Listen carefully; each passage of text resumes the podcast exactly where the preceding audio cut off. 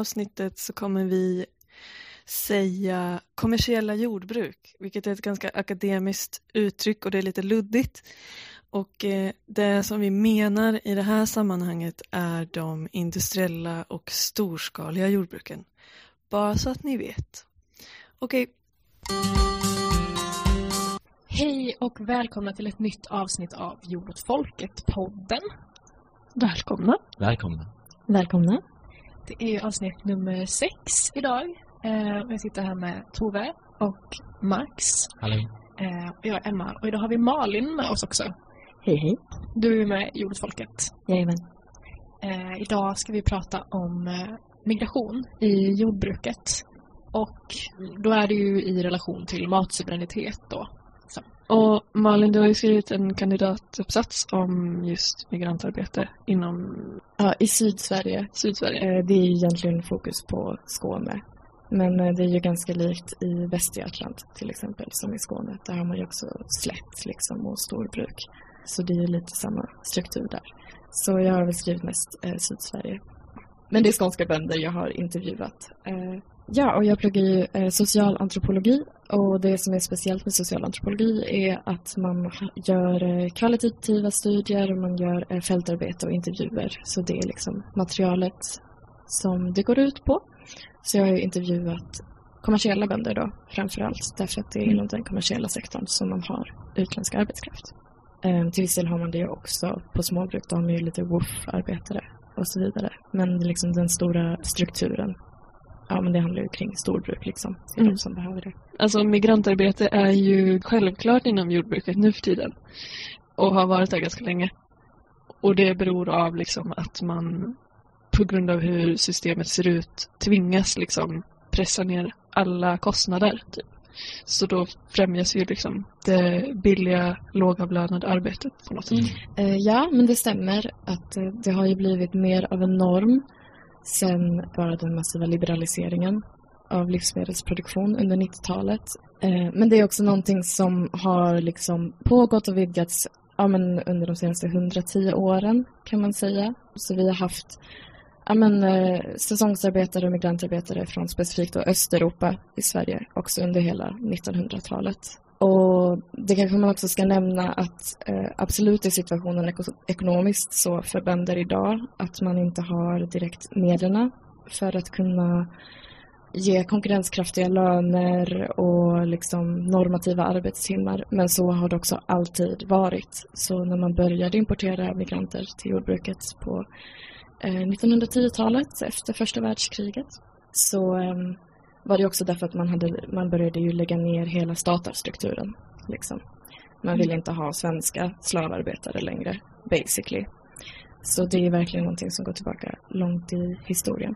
Kan man dra en koppling då till att liksom markexploateringen i Östeuropa inträffade samtidigt eller liksom eskalerade samtidigt? Alltså det är ju en postkolonial grej eh, som är väldigt utbrett idag. Men jag tror att egentligen var det bara en slump då, liksom i början av 1900-talet, att då um, var det ju krig och då var det till exempel um, i västra Ukraina, östra Polen, så finns det ju en region som heter Galicien. De är ju krigade över Österrike, Ungern och ryska imperiet. Um, och då var det flyktingar därifrån främst som kom till Sverige och arbetade i jordbruket. Och det var i samklang med att eh, de stora godsen i Skåne eh, började satsa på eh, betor. Så det är ett arbete som kräver väldigt mycket manskraft. Liksom. Så det var ju den första strukturen som vi i alla fall har dokumenterat att det är östeuropeiska migranter som har kommit hit. Men eh, det är väldigt intressant liksom, förändring av bara jordbrukarrollen eller liksom jordbruket som arbete under 1900-talet. Det var bara så mycket som hände, massurbanisering och vi blev mer, alltså ett mer utbildat folk helt enkelt. Man kan säga att vi gick från ett emigrationsland till ett immigrationsland. Och med hela liksom folkhemsprojektet och så vidare så vill man ju ha bara en befolkning eh, som sysselsatte sig helt enkelt med mer statusberikande och eh, kapitaldrivande yrkesroller. Eh, vilket ju eh, jordbruksarbete inte direkt är sett som att vara. Eh, och den normen ser vi ju fortfarande väldigt tydligt idag. Att vi vill ha en befolkning som bor i staden och som utbildar sig och om man håller på med jordbruk så kanske man då blir en lantmästare eller agronom eller man går in i forskning och förädling och så vidare. Så då efter andra världskriget till exempel så satte man eh, judiska flyktingar som hade kommit till Sverige i jordbruket och under 70-talet så gjorde Olof Palme eh, liksom deals både med Ungern och med Polen så att man kunde få in arbetare. Så det är liksom bakgrunden. Så det är inte ett, ett nytt fenomen i Sverige men det har ju blivit liksom vidgat. Och då liksom, under 1900-talet så, det har ni också pratat om i podden innan, då hade man ju liksom lite annan syn på vad livsmedelsproduktion skulle innebära. Liksom man hade ju ett mål för folkförsörjning och på 80-talet så låg den ju på 80-90 procent. Och det man kan säga som är den stora skillnaden då när man har ett mål på eh, folkförsörjning och man också då har eh, en struktur där man förhandlar om priserna så att man säkerställer den produktionen är ju att det konceptualiserar livsmedel som helt enkelt eh, en, en bruksvara, kallar man det. Alltså det har ett värde utifrån hur man brukar det. Och det som skedde då på eh, 90-talet, vilket ni snackar om i ett av era avsnitt, är att man gjorde väldigt många liberaliseringsdirektiv som helt enkelt innebar att livsmedel verifierades. Alltså det har då ett pris på en marknad eftersom att det kan utbytas med andra varor. Um, och det skapar ju väldigt stor skillnad för vad då syftet med jordbruksarbete är och också vad rollen för en lantbrukare är i samhället. Man går liksom från att vara menar, en nyttogörare, liksom, man har en helt vital samhällsroll, eh, man är nästan som en ja, men som liksom hjälten för det stora kollektiva. Liksom. Och istället går man då helt enkelt till att vara en företagare. Och det, alltså det genomsyrar ju då hela strukturen för alla som arbetar. Att om då du är, även om du är migrantarbetare eller inhemsk arbetare, om du kör traktor, så är ju syftet med ditt arbete att uppehålla företaget du jobbar med. Liksom. Det är ju det som blir eh, motivationen. Inte att du ska försörja folket eller olika folkgrupper med mat. Mm. Så här, när, när mat blir verifierat så kan det liksom inte riktigt existera andra värden intill det. Det är det som är så himla intressant, därför det är ju det det gör. Liksom, när eh, jag gick ut och intervjuade folk så tyckte jag just det var väldigt intressant hur man konceptualiserade mat och hur man använde de koncepten för att motivera olika produktionsstrukturer och då olika arbetsfrågor. Liksom. Så det gör också att Sveriges lantbrukare sitter i en väldigt svår roll. Därför att de är företagare, de ska producera en vara på en marknad men de är också väldigt mycket hårdare eh, reglerade än resten av EU-länderna och det är på grund av de här helt andra värderingarna som fortfarande ligger i mat, liksom att man ska säkerställa någon slags eh, folkförsörjning. Det ska också vara eh, handla om att eh, återställa relation till naturen, till ekosystem, det ska vara klimatvänligt.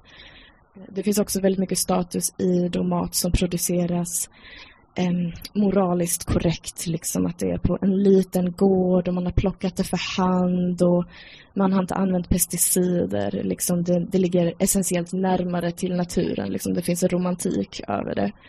Och det syns ju överallt liksom, i populärkultur. Liksom, att vi svenskar älskar ju det. Liksom, Mandelmans och allt det här. Liksom. Så alla de gamla eller också nykomna värderingar om mat eh, fungerar liksom parallellt med den här varifieringen.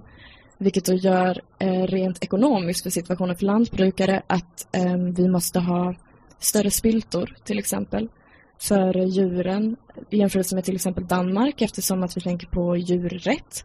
Eh, vi använder mindre pesticider eftersom att vi tänker på ekosystem, miljö och klimat. Ehm, men samtidigt handlar det egentligen om att du ska vara en duktig företagare och du ska få ditt företag att gå runt. Men det gör ju att du har ingen konkurrenskraft med dina priser på marknaden. Liksom. Mm, så då måste du antingen, som du säger, så här, göra det den här hänsynen liksom till en marknadskanal där du kan nischa dig och sälja saker dyrare. Eller så blir du liksom eh, utkonkurrerad för att du har en massa krav och samtidigt ska sälja produkter för väldigt låga priser. Liksom. Så det, man hamnar i en väldigt svår sits som lantbrukare. Ja, absolut. Och kommersiella lantbrukare blir också väldigt eh, kritiserade eh, eftersom att de inte uppfyller liksom, alla de här olika värderingar som eh, liksom LRF och Länsstyrelsen och bara media allmänt sätter på mat och matproduktion. Så även om man då lyckas vara en duktig företagare så kanske det kommer eh, djurrättsaktivister och fotar i ditt stall och sen så blir man uthängd för att man eh, behandlar sina djur illa eller man kanske använder eh, pesticider. Sen så får man höra i reklam hela tiden att det ska vara ekologiskt liksom, och det finns ingen framtid för det. Ehm, du kanske har liksom länsstyrelseämbeten, alltså kontrollanter som kommer till din gård som egentligen är djurrättsaktivister som inte tycker du ska hålla på med din produktion överhuvudtaget. Och det får du då genomlida flera gånger om året. Ehm, så det är ju en väldigt otacksam situation på grund av det. Rent ekonomiskt går det ju verkligen ut över dem du anställer och vad för möjlighet du har att kunna ge dem bra lön, eller bra lön utefter då svensk norm liksom. Eller eh, arbetstider som kanske går att jämföra med att jobba på ett kontor. Till exempel eh, ledighet, eh, att vara ledig på röda dagar, på helger och så vidare. Det funkar ju inte i jordbruket liksom, därför att du måste förhålla dig till väder och du måste förhålla dig till skördesäsonger och ibland så måste man jobba eh, 17 timmar dygnet runt. Man måste göra det i åtta veckor. Du måste sitta där i traktorn. Och det finns liksom ingenting som lantbrukare kan göra åt det. Och ett enkelt sätt man hade kunnat lösa det på är ju bara att ja, men då ger vi högre lön. Men till och med kommersiella lantbrukare som har storbruk, alltså de har ingen driftvinst. Därför att det är så himla, himla höga eh, investeringar. Bara att köpa en skördetröskel liksom. Alltså det är ju flera miljoner. Det tar hur många timmar som helst för att du ens ska kunna göra upp för den investeringen. Utan den vinsten de har är ju från sitt markägande. Det är ju så de kommer upp i liksom stora kapitalhöjder. Så de är ju också en intressant klass att studera på det viset därför att de är ju arbetare, de har en oförtjänt ekonomisk situation men de är också väldigt rika. Ehm, och de har ju stora investeringsmöjligheter. Och det är också ett problem som kommer från eh, varufiering. Att det släpper fri produktionsmark och det släpper fri kraven du har på dig som jordbrukare eftersom att ditt krav är bara att du ska vara en bra företagare så den vinsten du kan dra av det kan du bara återinvestera i vad som helst. Och då sker det ju att ja, men då kanske du bara lägger ner din gård och sen så kanske du bygger en golfbana istället eller sommarhus eller en restaurang med konferens. Och det går ju ut över eh, folkförsörjning liksom. Men eh, det har ju liksom legitimerats, det har ju möjliggjorts genom liberaliseringen och verifieringen av livsmedel. För nu har du liksom målat upp den här bilden av för en kommersiell lantbrukare liksom hur det ser ut, press från olika håll. Eh, det blir komplext att vara en företagare och samtidigt värna om de här, alltså folkförsörjningen. Ja, det blir väldigt komplext och samtidigt ha de här etiska målen med produktionen man känner ju typ skam över att man är en dålig svensk ungdom som inte vill jobba 17 timmar. Men att det, ja, men, men att det eh, typ... man kan ju ta upp det ur perspektivet från SLU. Tror mm. skit om SLU. För SLU tar ju alltid upp det här typ Alltså liksom att man måste locka in ungdomarna mm. i att jobba inom jordbruket och det är ingen som är intresserad av det idag mm. typ och bla bla bla. Alltså så att det blir en marknadsföringsfråga typ. Hur gör vi det attraktivt? Eller så här, typ som att det är en trendgrej. Typ mm. att så här, för det var någon på min förra kurs som sa typ att eh, så här, ja, men man kan se liksom i till exempel med intresset för rekoring att så här, det finns många un, unga personer som liksom vill, alltså som är intresserade av så här, lokal småskalig odling, bla bla bla.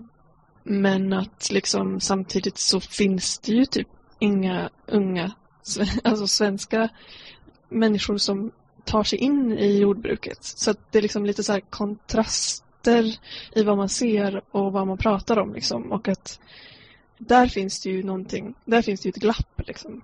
Som kommer upp i ditt arbete. Ja, men, eh, det är ju väldigt intressant att man hör ju hela tiden att eh, ungdomar idag är lata Eh, ungdomar vill inte ha sånt jobb. Ungdomar vill sitta med sin dator. Ungdomar vill sitta med sin mobil. Eller inte jobba alls. Och det finns ju en, en all... Detta är ju liksom ett globalt fenomen. Det kommer vi komma in på lite mer sen. Um, och inom antropologi så brukar man kalla det för 3D-jobb. Och ett 3D-jobb innebär ett smutsigt, fysiskt ansträngande arbete som den inhemska befolkningen inte vill ta. Och därför så får man helt enkelt alltså importera arbetskraft som kan ta det arbetet.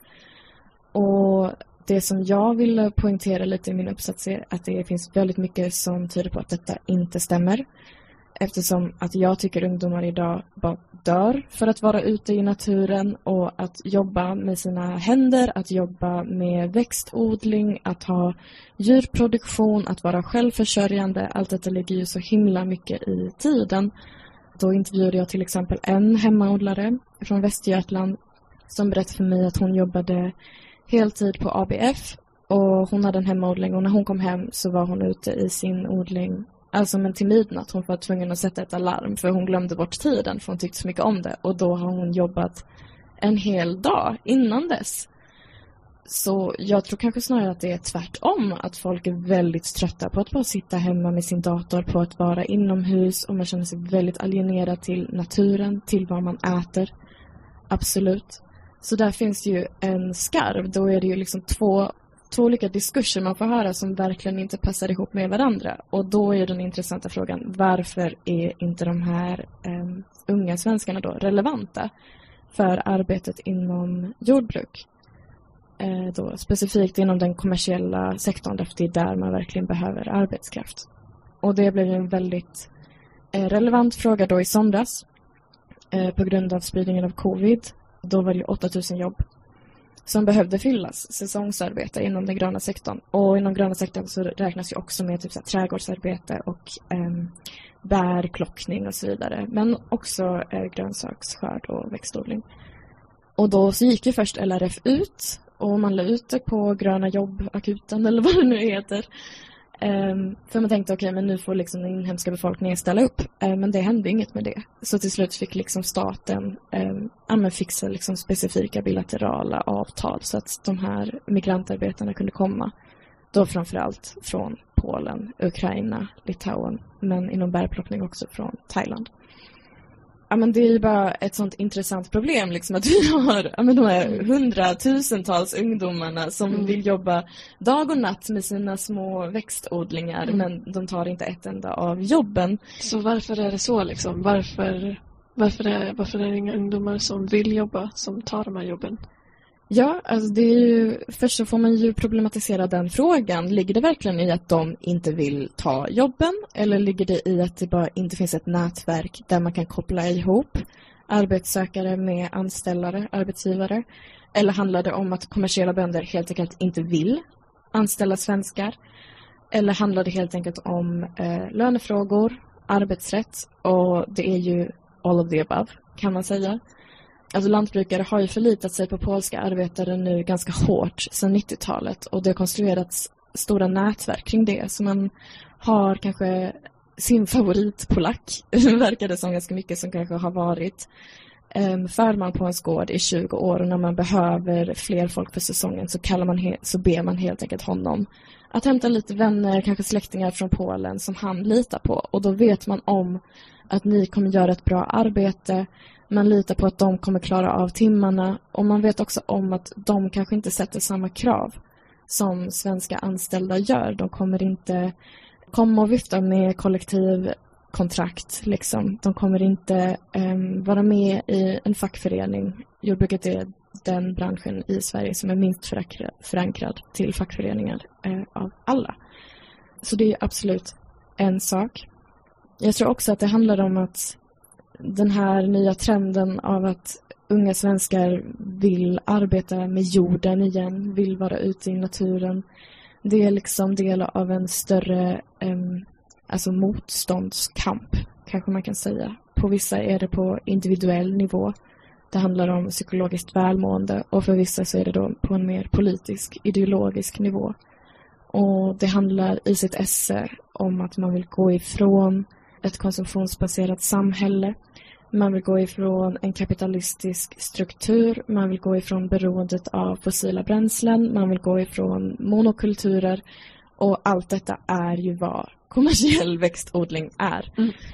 Ja men Så, det är ju verkligen, eh, ja, men någon av odlarna du intervjuade eh, som sa att vi vill verkligen anställa svenskar men, ja, men citatet var typ men vi har ofta blivit besvikna på svenskar typ. Ja men att folk kanske eh, inte stannar kvar typ att de här polackerna som väl börjar jobba inom jordbruket det ribban för tillfredsställelse typ är inte densamma som för en svensk som ja, men kanske har det här i, i bakhuvudet med förverkligande typ. Nej, eh, det är en jättebra poäng. Det är också det som jag lyfter i min uppsats, liksom att det handlar om vad jag känner att jag är rätt att begära av mitt jobb. Och då är det en känsla av mening och tillfredsställelse och utveckling framförallt från svenskarnas sida. Och när det kommer till de eh, svenskar som har blivit anställda inom kommersiell ordning då är det oftast tjejer inom djurproduktion och killar som är traktorförare. Och då får ju de, Um, speciellt som traktorförare, så får du då uh, du får en inlärningsprocess, liksom att du lär dig hantera de här uh, maskinerna som är väldigt komplexa faktiskt. Det är inget lätt arbete.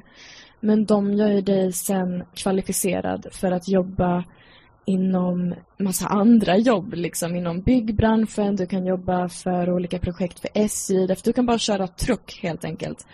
Och då är inte jordbruket konkurrenskraftigt. Då kan du tjäna 700 i timmen på något annat jobb nästa sommar. Så du kommer bara behöva lära upp nya ungdomar år efter år efter år när du anställer svenskar. Men eftersom att polacker är migranter så är de liksom inte de är inte sammankopplade med den, eh, den inhemska arbetsmarknaden. De har inga kontakter, de kan inte nå ut, de talar kanske inte svenska, de har kanske ingen utbildning. Men de tjänar också redan så mycket mer än vad de hade gjort i Polen så det kanske inte ens faller dem in att nu ska jag söka mig någonstans där jag kan göra en snabb karriär eller där jag snabbt kan tjäna mer pengar. Så det gör det också väldigt mycket mer tacksamt för, för gårdsägare, för lantbrukare att anställa polacker. Så det konventionella jordbruket har liksom, det har inte konkurrenskraft inom lön och det har heller inte den här liksom det erbjuder inte det här självförverkligandet genom koppling till jorden och liksom det här eh, så att det blir inte attraktivt för svenskar varken på grund av lönen eller på grund av liksom någon politisk eh, kamp eller något slags själsligt sökande liksom. Det erbjuder ingenting även till de som är intresserade av odling liksom. Exakt, eh, det är precis så och det är också så att eftersom att det är en verifierad produktion och du jobbar för ett företag så är du också på många vis totalt alienerad från den produktionen. Jag tror att det hade varit en starkare motivation ifall det var mer att nu så är vi en grupp som arbetar för folkförsörjning och vi arbetar för att skapa livsmedel för sitt bruksvärde. Men det gör man inte utan man arbetar ju för att min chef ska få in en bra vinst. Och din lön är ju helt osammankopplad till den framgången, till framgången för företaget du jobbar på. Det är precis som om du jobbar på en fabrik. Du är liksom en alienerad arbetare. Och det i samband med att det är ett ganska rutinmässigt arbete blir ju svårt liksom. Men min informant kallade att man fastnar i tingets tråkighet. Och det tyckte jag var väldigt bra sagt. Alltså det är väldigt talande.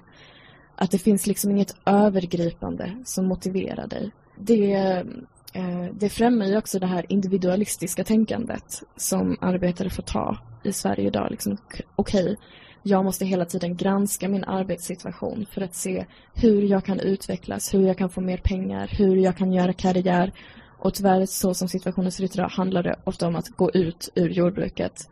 Därför du kan ju aldrig, aldrig någonsin jobba ihop så mycket pengar att du kan till exempel köpa dig en gård. Det är någonting du föds in i. Det är släktbaserad business liksom. Mm. Eh. Ja, det hade varit fett om man kunde typ jobba och sen för att få ärva den gården. Eller så, det hade ju varit någon slags motivering mm. utöver. Mm. Ja, men det här du beskriver att om svenskar typ ser timmar som ska utföras så kanske ja, men, dina polska informanter har en syssla liksom. Och sen så behöver inte det vara drägligt för det liksom. Eller det behöver inte vara någonting man värderar som bättre. Men att då tar det 17 timmar liksom. Men det lät ju ändå som att de men de jobbar för, alltså de är mindre alienerade på så sätt att de jobbar för vidmakthållandet av sin egen, sitt eget arbete typ. Och att den kopplingen finns inte heller hos svenskar just för att man har mer det bakhuvudet med arbetsrätt och liksom. Så då landar man väl i tingets tråkighet. Ja, men det är exakt så. Och anledningen till det vet jag inte. Jag vill inte heller komma in på att så här den här folkgruppen agerar på detta viset och den här på det här viset. Men man kan ju tänka utifrån också mina informanters upplevelser att de har haft så jäkla prekära situationer som när de har arbetat i Polen. Att man har jobbat flera månader och man har aldrig fått någon lön. Det, får, det bara gör dem mer investerade i sin arbetsplats. Därför att de tänker att när jag säkerställer produktionen för det här företaget så säkerställer jag försörjningen av min familj. Och det blir bara logiskt alltså en mycket större motivation. Eh, och då tänker du ju på sysslor, du tänker ju på skörden, du tänker på hur mycket vi kan få in. Därför att du tänker att då har jag ett jobb nästa år. För det är inte någonting som de tar för givet. Det är inte någonting som de känner sig berättigade till. Okej, men också så här. I ett kapitalistiskt system, om man tittar på den stora skalan, så blir ju, så blir ju ekonomisk vinst den centrala eh, det centrala målet. Liksom. Och att det blir jättekomplext att ha andra värderingar bredvid det målet. Eh, alltså, det blir väldigt svårt att eh, eh, ta beslut som går emot liksom, eh, det vinstdrivande helt enkelt. Därför att då så riskerar du ju helt enkelt eh, ditt företag, din egen försörjning och du kan gå i konkurs. Och samtidigt kan vi se det på andra sidan om den här skalan då, om vi kollar på ja, men självförsörjning till exempel.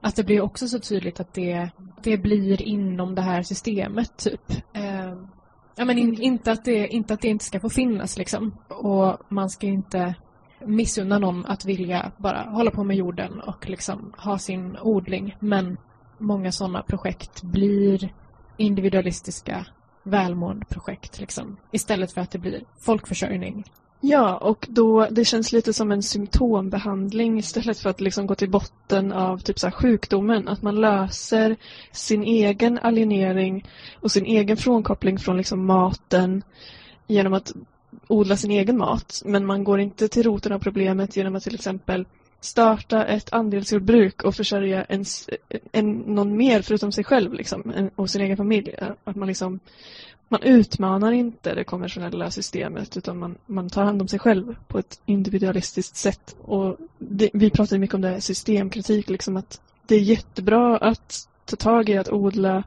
för liksom sina närmaste och så vidare. Men man måste också ta det steget längre och kritisera systemet som man existerar inom. Mm. Ja, för annars blir det ju just det här som du skriver om. Vem har råd att köpa sig frihet, typ? Och vem har inte det?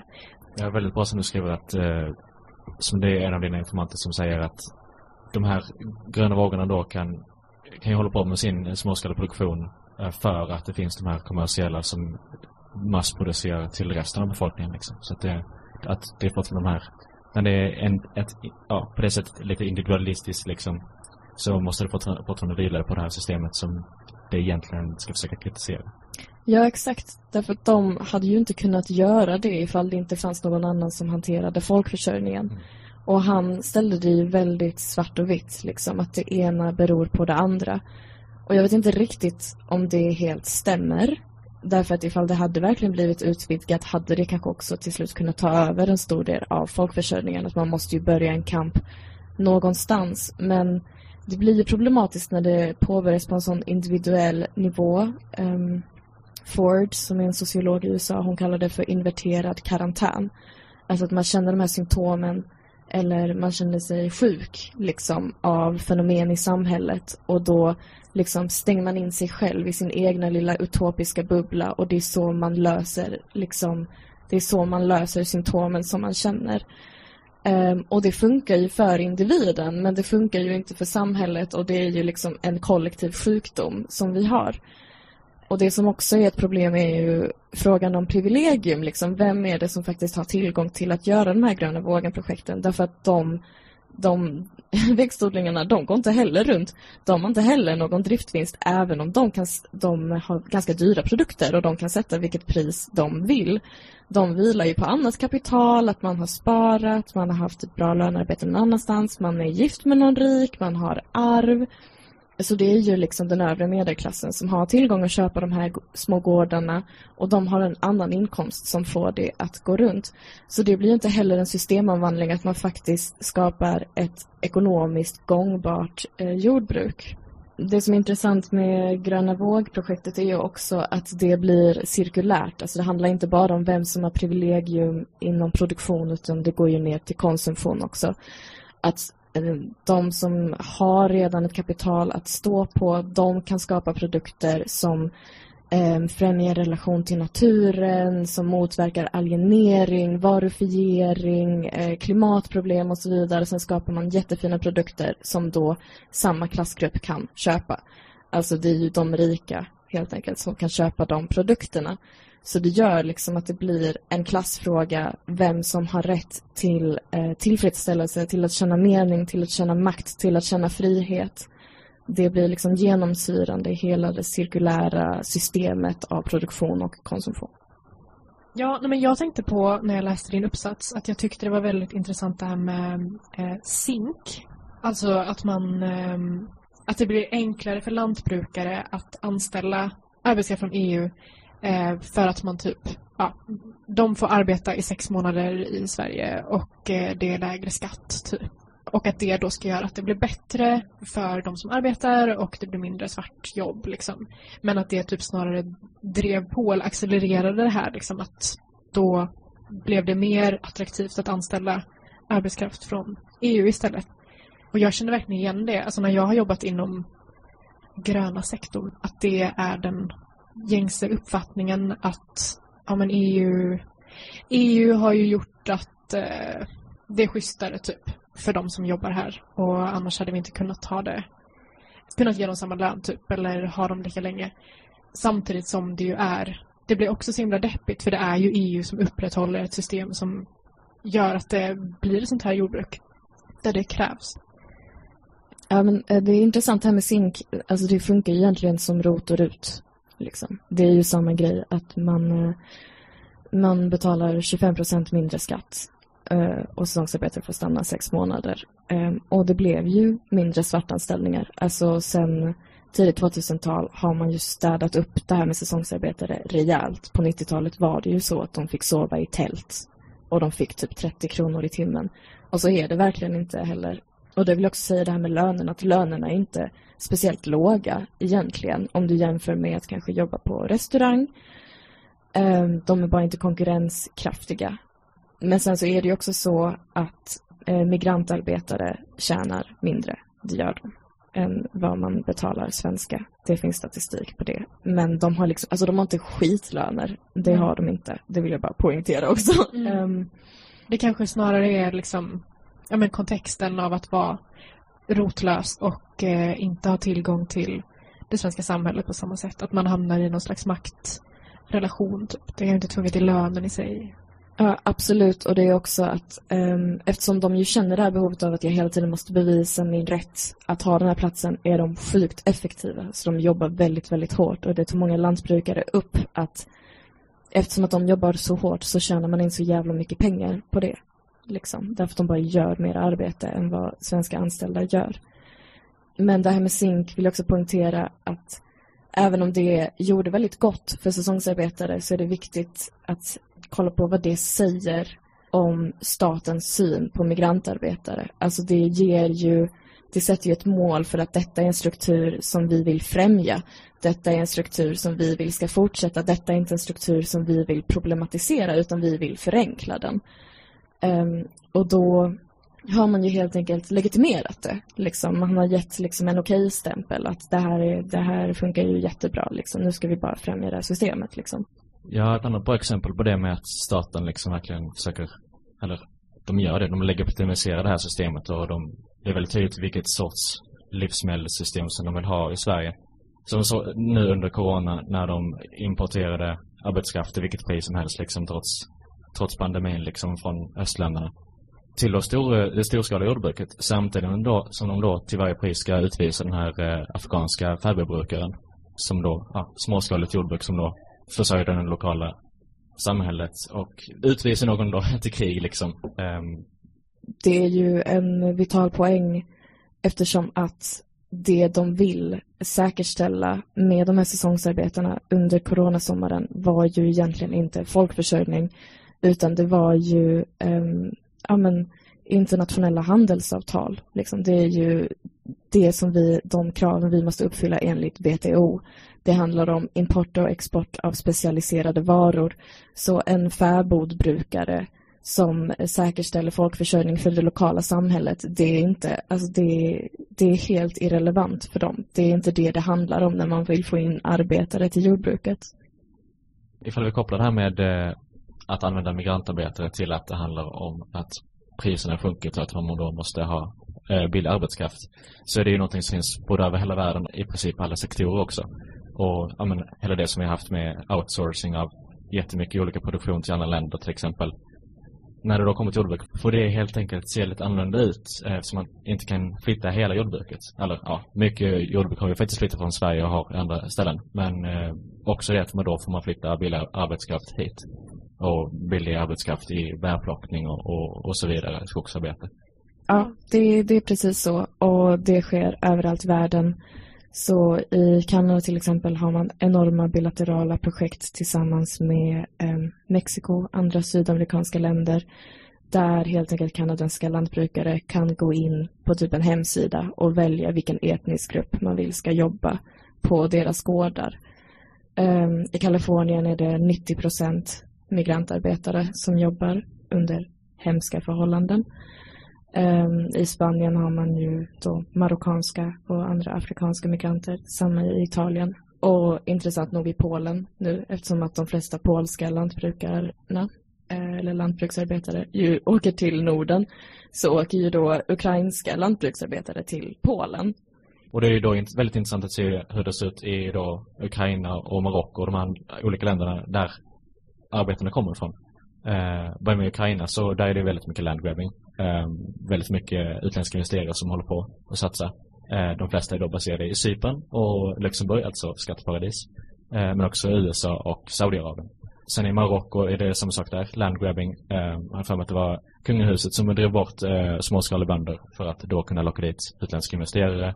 Ja, det finns ju hur mycket exempel från hel som helst eh, från andra afrikanska länder Uh, såg en väldigt bra film som Lavia Campesina i Senegal har gjort som heter The Feast. Vi kanske kan länka, länka till den på Facebook eller hemsidan. Och i den här filmen då så beskriver de såklart hur uh, då ungdomen drivs bort från, från landsbygden och produktionen på olika sätt uh, till då att försöka hitta nya liv i Europa såklart, så många av dem som dör då. Och det är väldigt bra, den här filmen då um, det är då ett möte med då boskapsskötare, bönder och fiskare. och De säger alla samma sak, att de har de har samma problem eh, med landgrabbing och låga priser och, och ungdomen då som eh, försvinner. Och det är då också eh, samma sak som Torgny Östling säger i filmen som vi gjorde, att det är, det är samma problem som alla har runt om i världen i olika sektorer, också som har gått igen genom historien. Så att eh, vi rekommenderar båda filmerna. Och en annan gemensam sak för de här fiskarna och bönderna i filmen då, så var ju att väldigt mycket var ju på grund av EU. Återigen, att det var stora fiskefabriker från EU som tog all fisk eh, och det var investerare då från, jag tror det var Italien som tog stor, 20 000 hektar till, till exportproduktion och så vidare. Man ser var, var problemen börjar och var det också då slutar med migrationen till EU.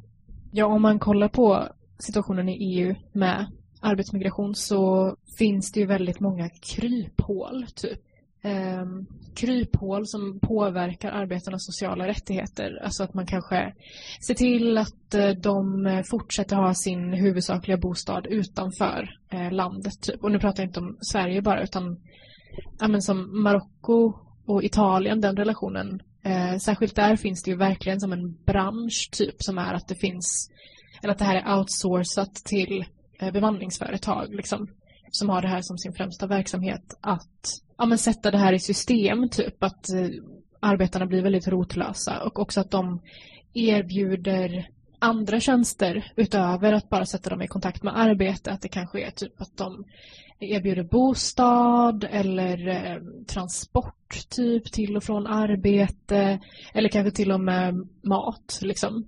Och det gör ju att det, arbetarna sätts i en väldigt beroendeställning till de här bemanningsföretagen. Liksom.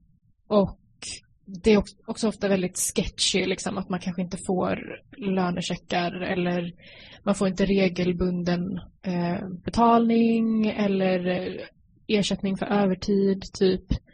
Eh, och det gör ju också att det blir mycket svårare att då kanske förnya papper som gör att man får lov att vistas i landet. Liksom. Vilket ännu mer spär på den här situationen som är att de är så utbytbara och måste vara så tacksamma. Liksom. Och, eh, och också ofta att de här boendena som de här bemanningsföretagen erbjuder är ofta väldigt nära i anslutning till själva eh, platsen där jordbruket sker. Liksom. Vilket lite fungerar som ett sätt att maskera övertid. Typ. Så det är massa inbyggda saker i det här. Eh, det är verkligen ett system för att utnyttja migrantarbetare liksom, som folk tjänar pengar på. Ja, men så är det också verkligen för um, alltså polska migrantarbetare i Sverige. Just de jag intervjuade hade inte använt sådana här mellanhänder, men det börjar också bli mycket, mycket mer vanligt när man ska uh, importera arbetare till skånska jordbruk. Men bara som migrant så är det ju en så otroligt prekär situation. Så då är det liksom när du kommer, du har ju fått ditt uppehållstillstånd um, genom din anställning och du har ingen förankring alls till resterande civilsamhälle så det är ofta att din arbetsgivare är ju också kanske en bank, eh, fackförening, eh, juridisk rådgivning överhuvudtaget. Eh, du, han är din hyresvärd, liksom han fungerar som alla roller. Du, ligger, du befinner dig liksom utanför välfärdssystemet. Du blir liksom inte informerad om det. Ehm, det är ju typ ingen som har blivit informerad om bara den gällande arbetsrätten eh, eller din juridiska situation som arbetare i Sverige när du först kommer till landet. Så du är ju, även om liksom situationen är bättre, så många kanske får ganska fina boenden eller du får en bra lön och du får betald övertid, så är du befinner dig utanför samhället och du är totalt beroende av din arbetsgivare. Så det är väldigt problematiskt på det viset ifall du då skulle um, vara missnöjd eller bli um, felaktigt behandlad. Och med det så avslutar vi dagens avsnitt. Ja. Tack så mycket för att ni har lyssnat. Tack. Tack. Tack.